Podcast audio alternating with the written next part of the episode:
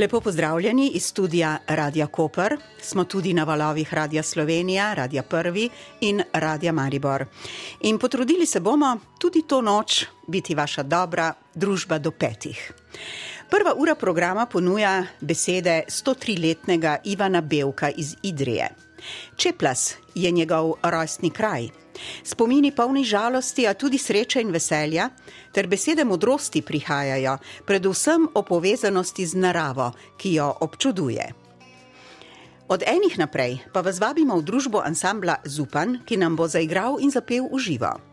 V redakciji oddaje Gremo plesat, oddaja je na sporedu vsak ponedeljek ob 20. je nastala tokratna oddaja z Avsenikovo glasbo in izjemoma posneta s kolegi iz Ljubljanskega studia 26.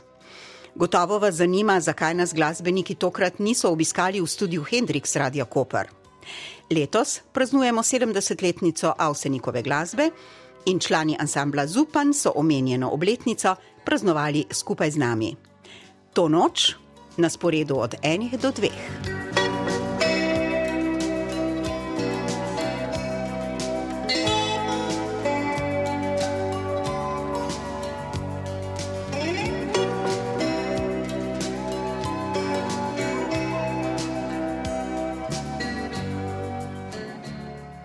Drugi uri pridejo k nam lepe zgodbe z primorske.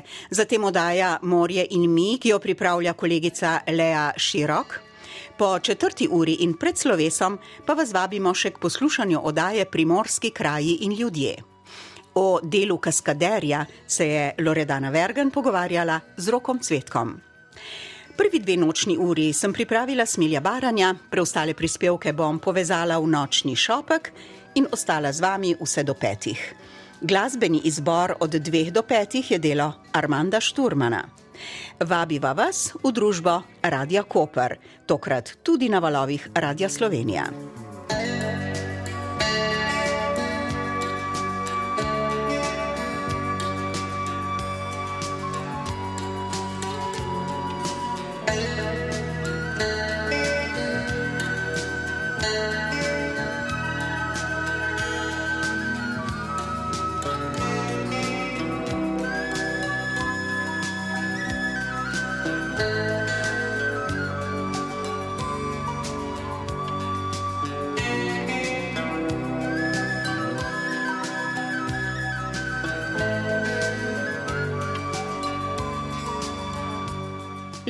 1920 je ob rapalski pogodbi Čeples, ki je danes v občini Cirkno, kamor se z odajo selimo na začetku pogovora, pripadal Italiji. Življenjska pot našega gosta, 103 leta starega Ivana Belka, se je nadaljevala v Idriji. Najstarejše poselitve na tem območju segajo že v prazgodovino, v čas ledenodobnega človeka. Najznamenitejša najdba na tem območju je zagotovo Neandertalčeva piščal, najstarejše glasbilo na svetu, ki so ga odkrili v arheološkem najdišču Divje babe leta 1995. Čeplas? Čeplas pa je kraj v crkljanskem hribovju, kjer je bil rojen naš nocojšnji sogovornik Ivan Belk, približno pol leta pred podpisom rapalske pogodbe. Kaj torej piše v njegovem rojstnem listu? Kako je preživel čas vojne in kako živi danes, star 103 leta? V Idriji sem ga obiskala smilja baranja.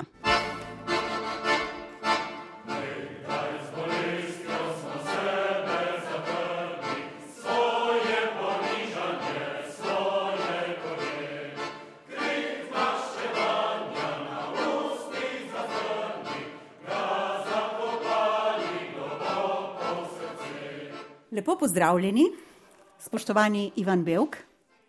Hvala. Hvala, ker bom lahko za Radio Koper posnela vaše spomine na čase, ki jih številni ne poznamo. Vaš pogled na svet, nekoč in danes, pa vaše modrosti in pozitivne lastnosti človeka, ki je pravzaprav doživljal hude grozote vojne, a pozna tudi življenje podeželja, eh, kar se mi zdi danes izjemno pomembno. Vaša povezanost z naravo, gospod Belk, je naravnost osupljiva, zgledna in z veseljem pozivam poslušalke in poslušalce k zbrani pozornosti vsega, kar nam boste povedali. Gospod Belk, sledite še vedno medijskim poročilom V luči letošnjih ujm vas bom vprašala, bile so tudi smrtne žrtve, narava je ljudem vzela strehe nad glavo, tudi v Idriji je plas ogrozil hišo staro 300 let. Vi pa ste rojeni v kraju Čeples, ki je menda dobil ime po plazovih. Čez plas menda pomeni ime vašega rojstnega kraja. Plazovi vam torej verjetno niso tuji.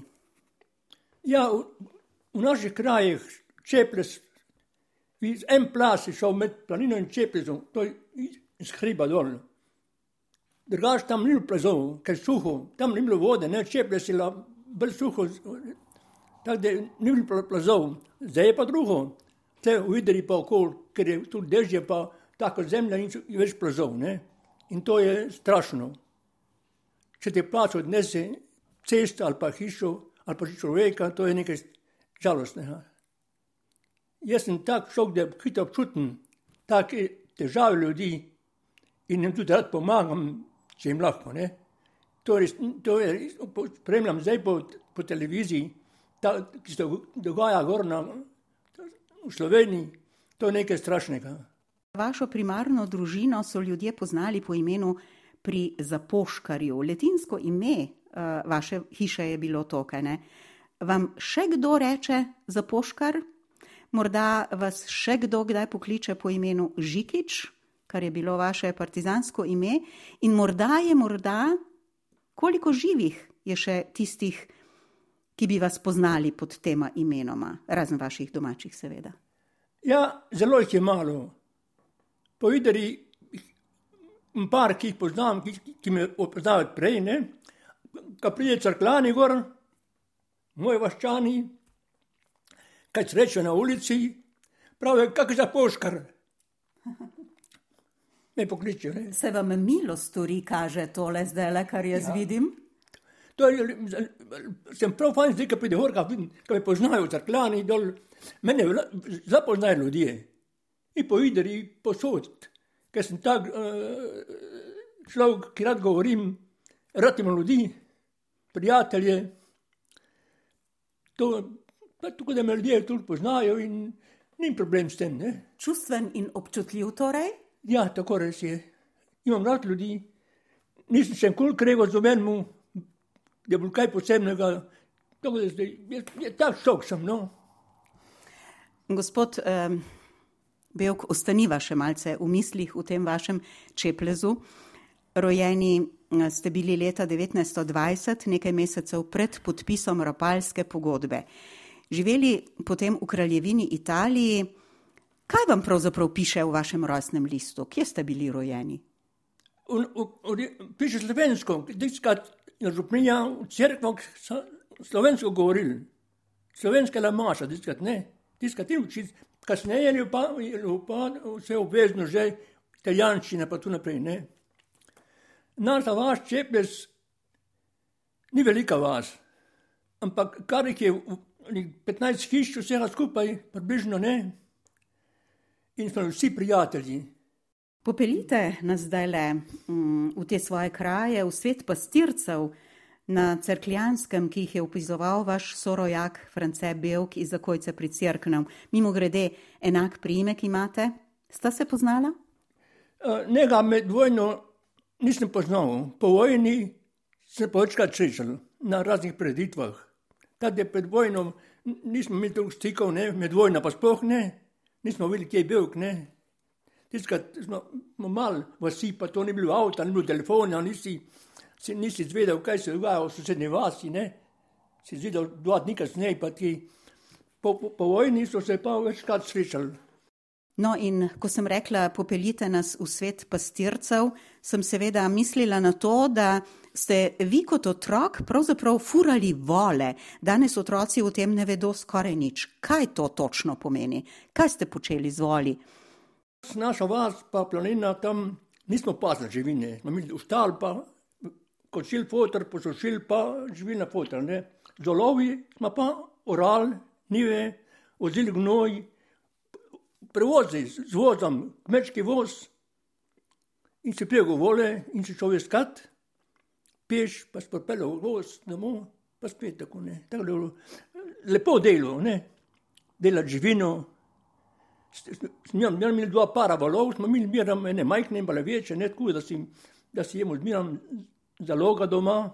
Danes sediva v vaši dnevni sobi, pijeva vaš sok izpod vaših rok, od eh, vaših jabljan. V spominu pa nosite drevesa domačih tepk, drevesa hrušk. So ta drevesa morda še na domačiji, kot vem, je tam živel vaš brat Peter, danes živi njegov sin eh, in družini je pravzaprav so ta drevesa prinašala hrano. Glede na kulinariko tukajšnjo je mama pekla tudi potice iz tepk, spomin na tepke, hruške, nam povejte. Pri nas smo tepke imeli. Vsaka hiša skoraj imela tepke. Pa glavno smo jih porabili, ker so remekli, sušili smo jih, ne, in pa eh, mož delali. Mož tam pa, ker so remekli, smo jih dali po, po pajštvo sušiti in smo tiste potem imeli za hrano, pa tako za priboljšek tjerkat, ne, tepke. O, kako lepo, da ste pajštvo omenili. Prav to sem vas želela vprašati. Danes verjetno ljudje tega izraza ne poznajo več. Vam je še kako poznana pravzaprav ta preprosta stavba za sušenje lanu in sadja je bila. Paštva je danes tudi etnološki spomenik. Zame je še kako zanimiva beseda, ker jo pravzaprav uporabljajo, slišala sem jo na Pohorju, na Koroškem, na Gorenskem. Zdaj vidimo tudi na crkljanskem pajštvo. Ja, tudi vsaka vas je imela eno pajštvo, v glavnem ne. Pri nas sosed je mu zidana tako lepo na, na drva, ne, to je čas navadno, ne pa tiste lese not, ne. In je vsaka družina imela eh, nekaj eh, časa dela, ki dala sušiti. In tiskrat, ko smo mi smo od, od naše hiše, kar ne smo mama sušiti, snesli drva, da smo podkurili, Tada, da smo sodelovali s sosedi, tada smo sadi posušili, nekaj tudi tam peč, na peči tudi. Torej, ne samo uh, tepke, ampak tudi kaj drugega. Ja, tudi, na peč smo tudi koruzo posušili, marsikaj ne, kaj smo krilo peč, krušna peč, ne imela velika in morsi, in la topla si dal hor sušiti. Uh mhm. -huh. Tudi hruška se posušila, tudi hobe smo sušili peč, ne. Uh mhm. -huh. vse, vse smo porabili. Rekli ste mi, da ste pridelovali pšenico, pa ajdo, pa lan. Lan smo tudi omenili, da se je sušil v Pajštvi. Povejte mi, a so bili to za vas lepi časi? Lepi, lepi. Oranje, prvo smo pomladi za krompir orali, jesen za žito, pa se pa žeto počela, pa pa spet ajda se jalo, ko smo početijani, ne, tada je bilo zmeram nekaj živahnega in nikdar nismo bili brez dela. In, in smo vse lepo z veseljem delali. Tudi po zimi, ne? Kaj ste počeli po zimi? Tudi po zimi je treba kaj se novo zid dol iz, iz, iz šofije, ne, kaj smo se neke, pa gnoji štale ven, se njih na njive. Tako da tudi po zimi, pa smo slama rezali za živino, ne, na, na, na roko, tisto kot samoreznica. Tako da tudi po zimi smo imeli zmeram, sam ne toliko kot poleti, ampak mir je bilo nekaj. In zanimivo, vsako popovdne je la malca po zim in to zelje, po vseh hišah skoraj bi rekel. Omenjala sva lan, eh, pa pšenico pa ajdo seveda, eh, ampak sejali ste lan, da bi imeli platno. V vasi sem slišala, ste imeli čevljarja, mizarja, kovača, krojača. Tako rekoč ste bili v ogromno stvarih samozadostni. Tega danes ne poznamo več, skoraj ni več čevljarjev, krojačev, kovačev. Imate to izkušnjo, ne? V naši vasi je bil kovač, je bil čevlar, šivilija, mizar. Tady so vse sami delali, obrtniki, ne? pa so prišli na hišo, k nam domu, pa je dva dni tam čevlar, da je popravil čevlje, pa šel drugam spet. Ne? Tako da je bilo zanimivo. Tudi mizar je prišel, če ti je ormara narediti, pa je doma delal. In je tam bil dva dni, pa je plačala, mama pa je šlo narejeno. Bilo, Gospod Belk, eh, letos ste bili stari 103 leta. Um, lahko rečeva, ne, da od 100 naprej tečejo lepa, čestitljiva leta, kaj pravite? Ja, jaz pravim, da 101 nisem poznal, da sem star. Ker sem imel 101 leto, sem jaz še šel čistka mod gor do, moje, no, do mojega vikenda, pa delal gor, kosil. Zdaj se po vsako leto počasi, počasi uh, premikaš. Si rekel, pred stotim leti sem začel čepres hoditi, zdaj imam pa vidri nahal hoditi.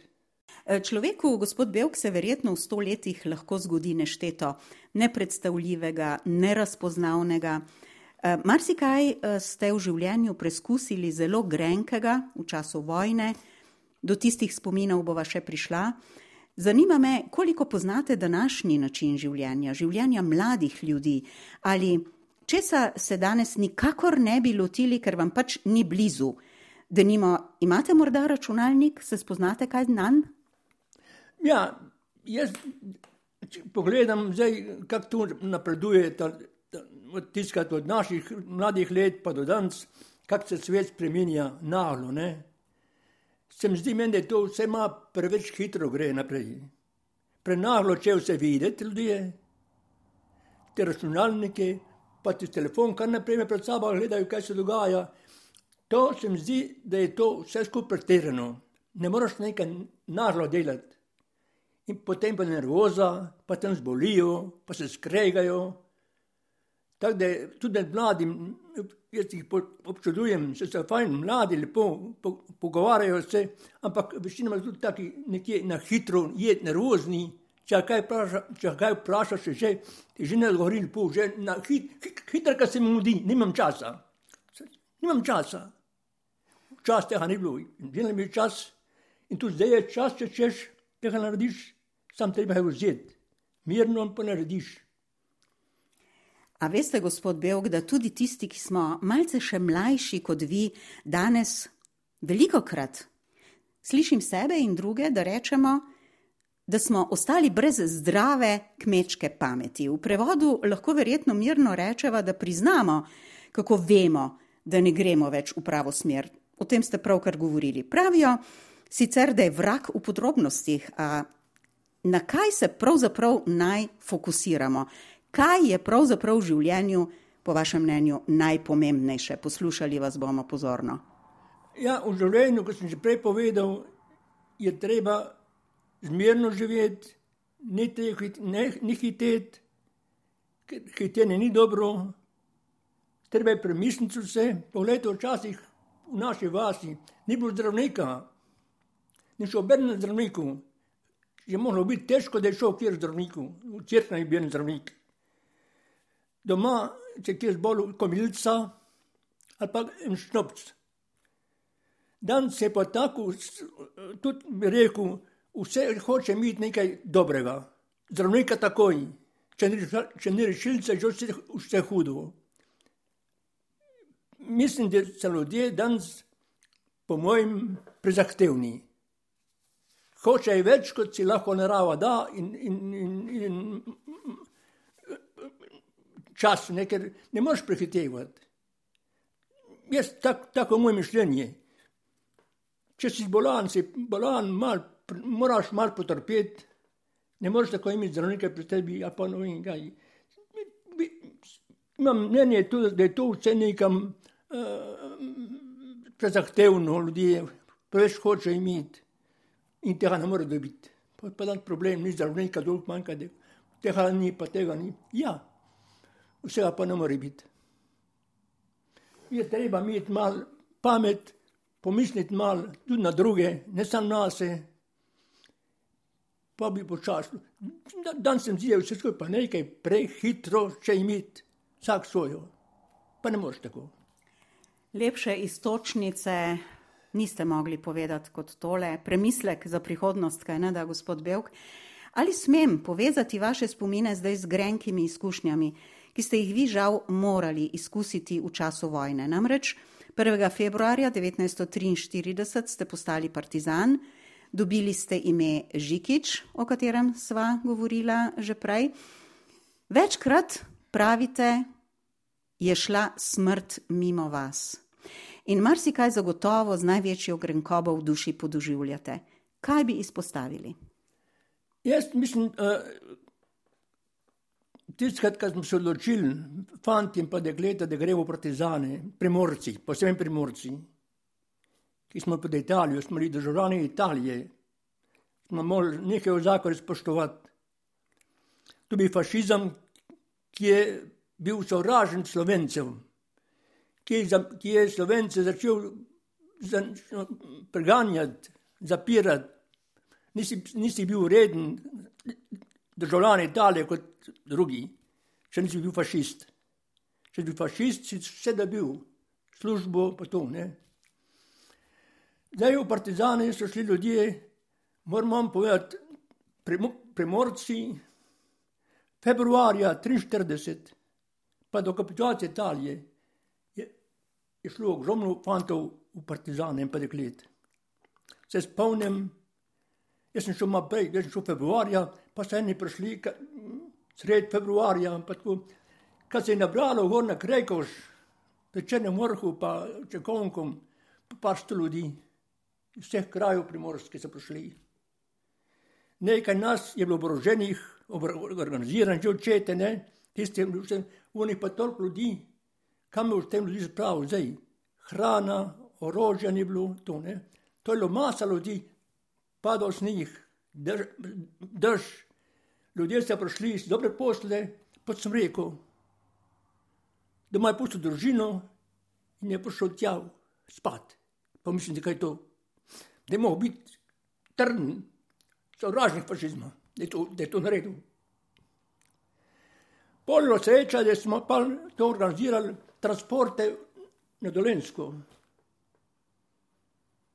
Vsem transportom smo organizirali, ti smo imeli orožje. Ne?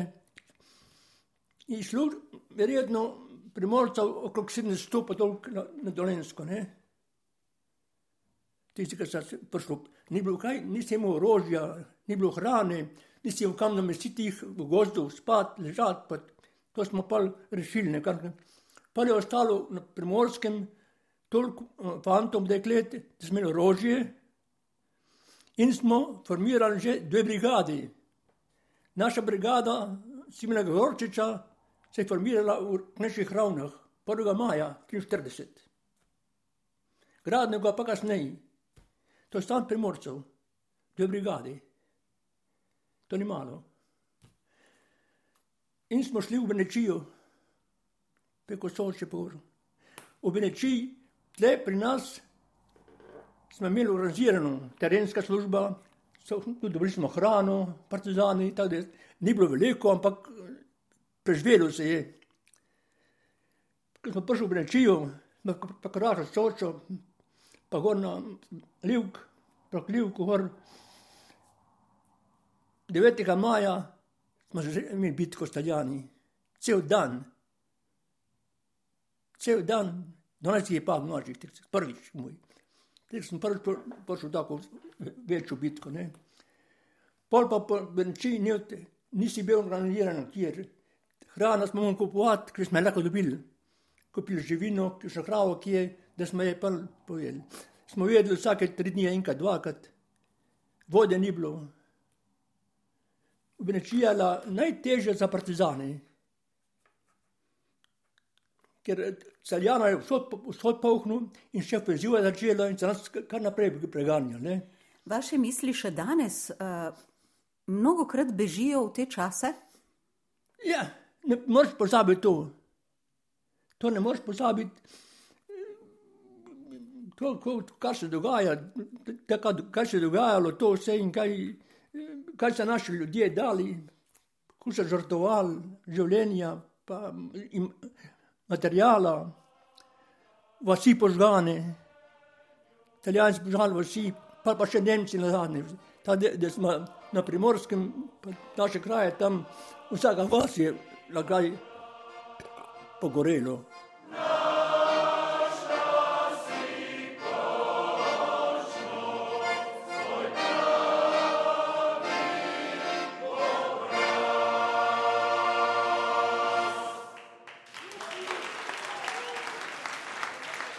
Gospod Belk, vse te poti v času vojne ste pravzaprav prepešačili, bi človek rekel. Več dni v kosu hodili. Če vas samo spomnim recimo na prenos ranjencev, govorimo o bolnišnici Franja, bolnišnici Pavla, težko je bilo, kaj ne? Ja, ni bilo lahko. Če, tem, če govorimo o, o ranjencih, o prevoz ranjencev, moram povedati to. V Cerknu so se 15. se zbrali dol na cesti, Vojko brigada, Gradnikova, Preširnova. Smo se postrojili tam, kjer, tam, kjer zdaj je ta, tam dol na cesti smo stali. In so nam povedali, da bomo pelali ranjence.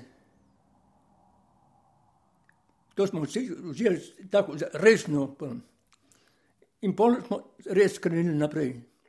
Od tiskati od crtega pa vse do, do notranjsko peš. Najtežji del je bil iz crtnega preko Jagroš na vojsko. Tudi kojni pa v hrib gor, ne.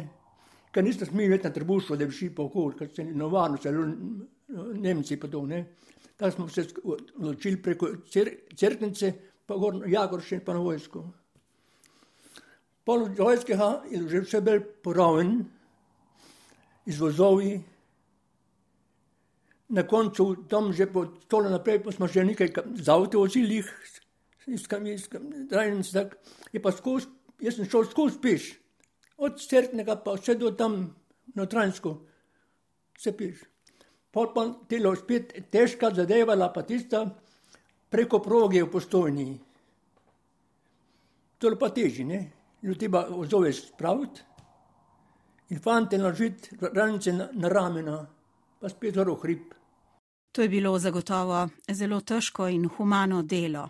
Spoštovani poslušalke in poslušalci, naš gost je Ivan Belk iz Idrije. Maja letos je praznoval 103. rojstni dan. V pogovoru sem omenjala bolnišnici Franjo in Pavlo. Zaradi letošnjih neuri je Franja znova terjala davek narave in verjetno za obiskovalce bolnišnice Franja še lep čas ne bo odprta. Kako pomemben, gospod Belk, se vam pravzaprav zdi v življenju svet žensk, tudi odnos do žensk? Če govorimo o vojnem stanju, je bilo to čist dobro zadovoljanje. Ni bilo bedne razlike, ni bilo še, še bolj se je spoštovali ženske kot, kot, kot borke. Tisti, ki med vojno smo že kar prijatelji, tovarištvo, da ni bilo bena problema. Pavla sem poznal, Franje sem poznal, vse. Enkrat sem prišel, to moram tudi povedati, sem bil na položaju gor na, na, na Didijo, na gorah. Mi je začelo oko boleti, levo oko. Vsem komandantu na položaju, jaz bi mu je tu zdravniku kam. Je rekel, veš, kar bom za Franjo. Šel piš od tam, jaz sem prišel pod njivč začer. Ma, ma pred, mlak je bil ma, že skoraj. In srečala tam bolničarka, spodaj, ne, ne, ne, nisem tam na, na sodišču, jaz ne poznal doma iz Crnega. Sem ji povedal, kaj je, je imela sabo eno zdravilo, mi dano kapljico v oko. To je vse, kar je imela. Da pa kam je šel zdaj.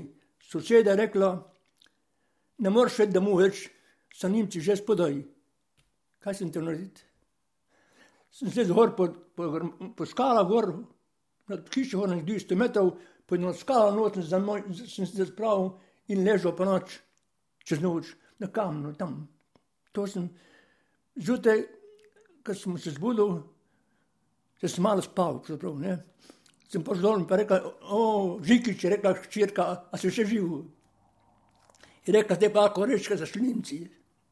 Pa sem šel proti domu. To je pravim, kak smo takrat zelo nekaj iskali, ne? Ali pa danes.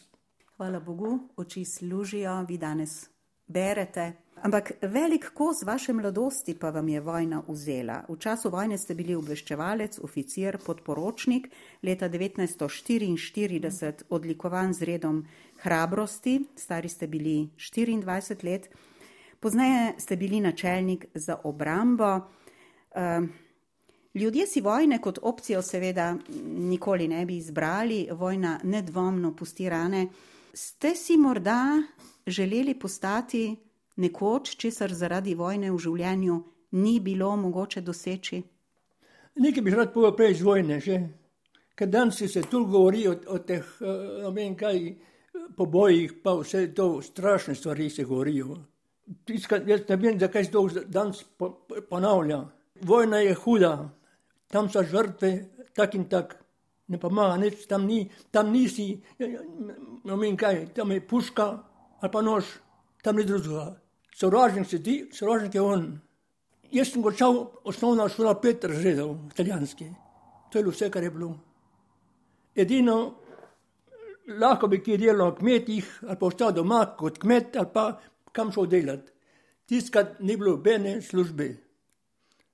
Nisi imel kje delati. Lahko šel malo, kje mu kositi, pa pomagati kmetih drugemu, enem drugemu, da si zaslužil kaj, da si, da si lahko šel na delih malo ven, sem nekaj lir, ne, nekaj za matur dobil, ki si, pre, si predal kaj, ne, mleko, pa sir, pa oziroma puter, pa to, drugač pa ni bilo dela.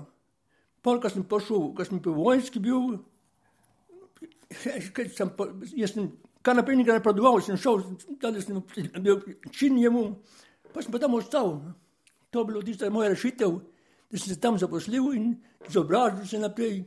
In tisto, da sem, da sem prav svojo kariero res uredil. In če se zdaj preseliva v leto 1951, to je bilo leto polno sreče, poročili ste se z Marijo Ogrič, bili ste zaljubljeni. Je biti zaljubljen lepo, kaj ne? Ja, spoznal sem se žena v partizanih. Jaz sem obveščeval, stiskal že in smo v štab divizije bil v naši vaši čepezu, smo tam bili in me meni poslal šef ta odseka naša, rekel, Žikič ti bo šel zdaj na, na Idrijsko, na, da bi, me tam obveščevalce videli, kaj se dogaja. In sem šel pol sam, iz šepe začel, crkno borbo, čez jelen pa dol. Nisem kul tam prej, pa sem prišel na tisti kraj, ki sem določil. In drugi dan so že imeli ples tam, da ste žale punce tam, ne? in da sem se spoznal. Slučajno, ne? A vi verjamete v slučaje? Danes pravzaprav rečemo, da ni slučajev, da ni na ključi neka sodobna modrost. Slučaj. Ja, tako, po mojem, ja. Slučajno sem kjer sežeš. Še ne paš, te pade, kap, padeš, nič ne viš prej. In ste se zaljubili? Ja. Pa tako ostalo, smo se poročili. Od leta 51, potem ste dobili dva sinova, Velemirja in Sama. Žal vam je soproga umrla eh, pred eh, dvema letoma, ja. sin Velemir še prej, 2017. Ja. Kako se gospod Belk, človek star 103 leta, lahko spopada z izgubami? Jaz pravim, da človek ne sme biti kar naenkrat izgubiti veselje ali pa propad, ali pa biti, rekel, da je počal konc. Moraš vse sprejeti, kot je treba. Vsaka stvar. Jaz sem tam prav, vsaka stvar je premišljeno sprejeti. Ne biti prenaho, ne, tu žalovanje se mora žalovati, ampak da bi iskal na petem jokov, to ne paše. Ne, to, se, sam, Še vedno je nekdo za vami, ki vas potrebuje, kaj ne? Ja, tada moraš biti človek trden, posod, kot pravim. Če nisi trden, če nisi dober, ne vem, moraš prenesti tudi te, težke stvari, moraš prenesti, ne smeš upati. In počasi pa se, se odvadiš, pa, pa greš življenje naprej in živiš, kot dan živim lepo. Ne? Spominjam se, grem ti naprej, da tako, ampak nimaš kaj, ni jih ni več, tudi meni ne bo več, ko enkrat tako je življenje. Sinom samom zdaj živita v hiši ja. skupaj, kaj ne? Ja. Bil je veliko let poslanec v državnem zboru, zagotovo ste spremljali njegovo delo, slišim, da je tudi dober šahist. Ali šahirate kdaj? Še, ja, jaz nisem šahiral, sem kjerkrat zdaj. On je šahist, ja, kar dobro igra. Ja, slanc je bil, pa je prišel domov, v petkih ne smo čakali, že nekaj prišlo. Drugač pa. Sicer pa slišim, seveda, da so vaši dnevi vse prej kot dolgočasni. Ja, zdaj pa, za me je čisto enostavno, jaz sploh ne vem, da mi kaj manjkalo, ne. Za enkrat zdrave že kar dobro drži grem v trgovino, tako rekoč, jaz sem zdaj neodvisen še pri 103 letih, neodvisen. pohajam po Idriji. Včeraj sem še napir kopal, or pomagal, predvčerajšnjim. Pa znam še pet šel malo pomagati. Treba je, jaz pravim, človek mora gibati, dok se le da. Če bi jaz sedel na divan tle, potem adijo belk. Ponil ti enkrat to, pa ono, pa tretjo. Če te kaj boli, se je na halu, prav sin, vzom tableta, ne, in ne bom vzel. Še nekaj povedati. Jaz v življenju sem skozi, zdaj že več, več let, nedelja, benem da pridem zajem. Prav sem na telo ščititi. Nedelja, strega sveti, to smo zdravnika povedal. Nedelja, nič tablet. Slišim, da je vaša, eh, vaše zdravilo narava, ne pa vrt, pa kosili ste še vedno, pa ribištvo, ne, v ribiško družino, a ste še vedno včlanjeni? Še, še. Jaz za me narava sveta. Jaz živim z naravo od, od mladosti in zdaj tudi. Narava te je poštovati. Narava nas miš nekaj vzeti, moraš dati, kar vzameš, moraš dati nazaj. Danes pa ne vem, kaj vse radi naredili, oni snažili zrak, sam da hitro naredijo, da obogatijo eni, tako naprej. To ni prav. Naravo ne bo preneslo, ne bo preneslo. Če ne boje pametni, se bo marsikaj zgodilo. Je kakšen recept, da se ognemo vsemu temu? Če ste rekel, treba je razumeti ne samo bogatstvo.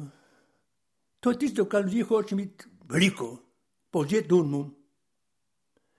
Ne boš bogatil, če noč kjer mu kradu, samo ne pride.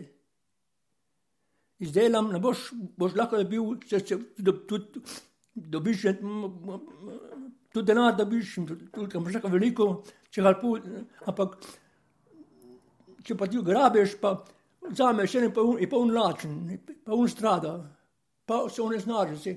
To je tisto, pohleb po denarju, jaz, to, je, to je največja napaka.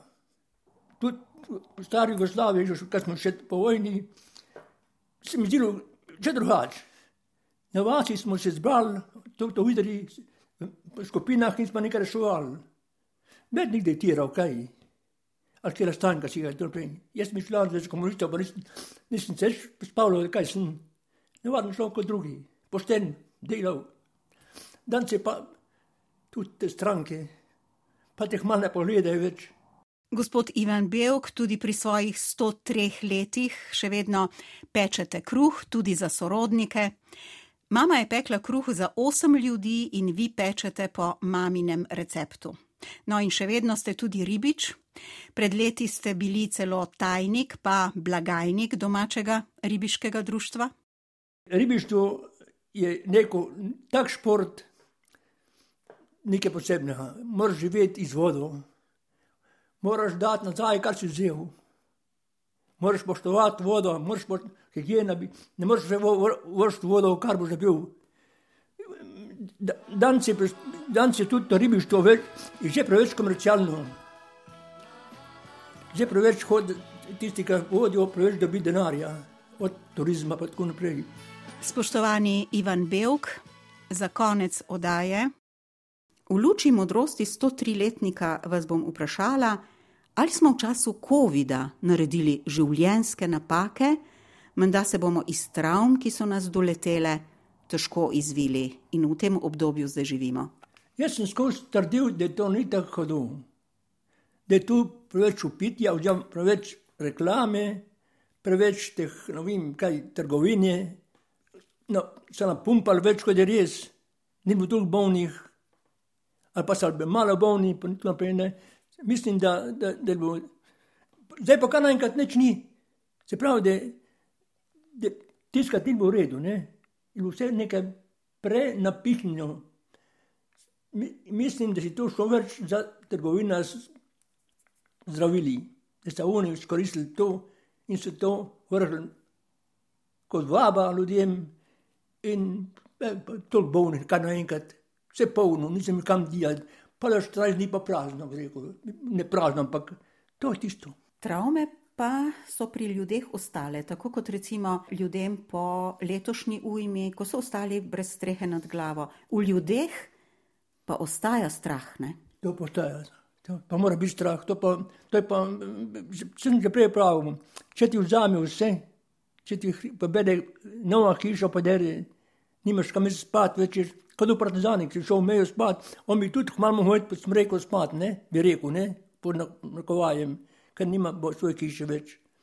In sreča je, da so nekateri tam ljudje dobri, pošteni in daj pomoč, jim sodeluje z njimi, pa ne vsi, to se govorim, da ne. Tako da to je res travma za te ljudi, tudi jaz to težko prenašam, kaj gledam po televiziji, kako so ljudje trpijo, kako prenašajo to, heroji so to, rekel, heroji, da to držijo, pokončno, nikar tako. Jaz vam iskreno čestitam za vaše herojstvo, gospod Belk, v času vašega življenja, za vaših lepih 103 leta, veliko zdravja še za naprej želim in hvala za pogovor za Radio Koper. Hvala lepa. Radio Slovenija, nočni program iz studia Radio Koper.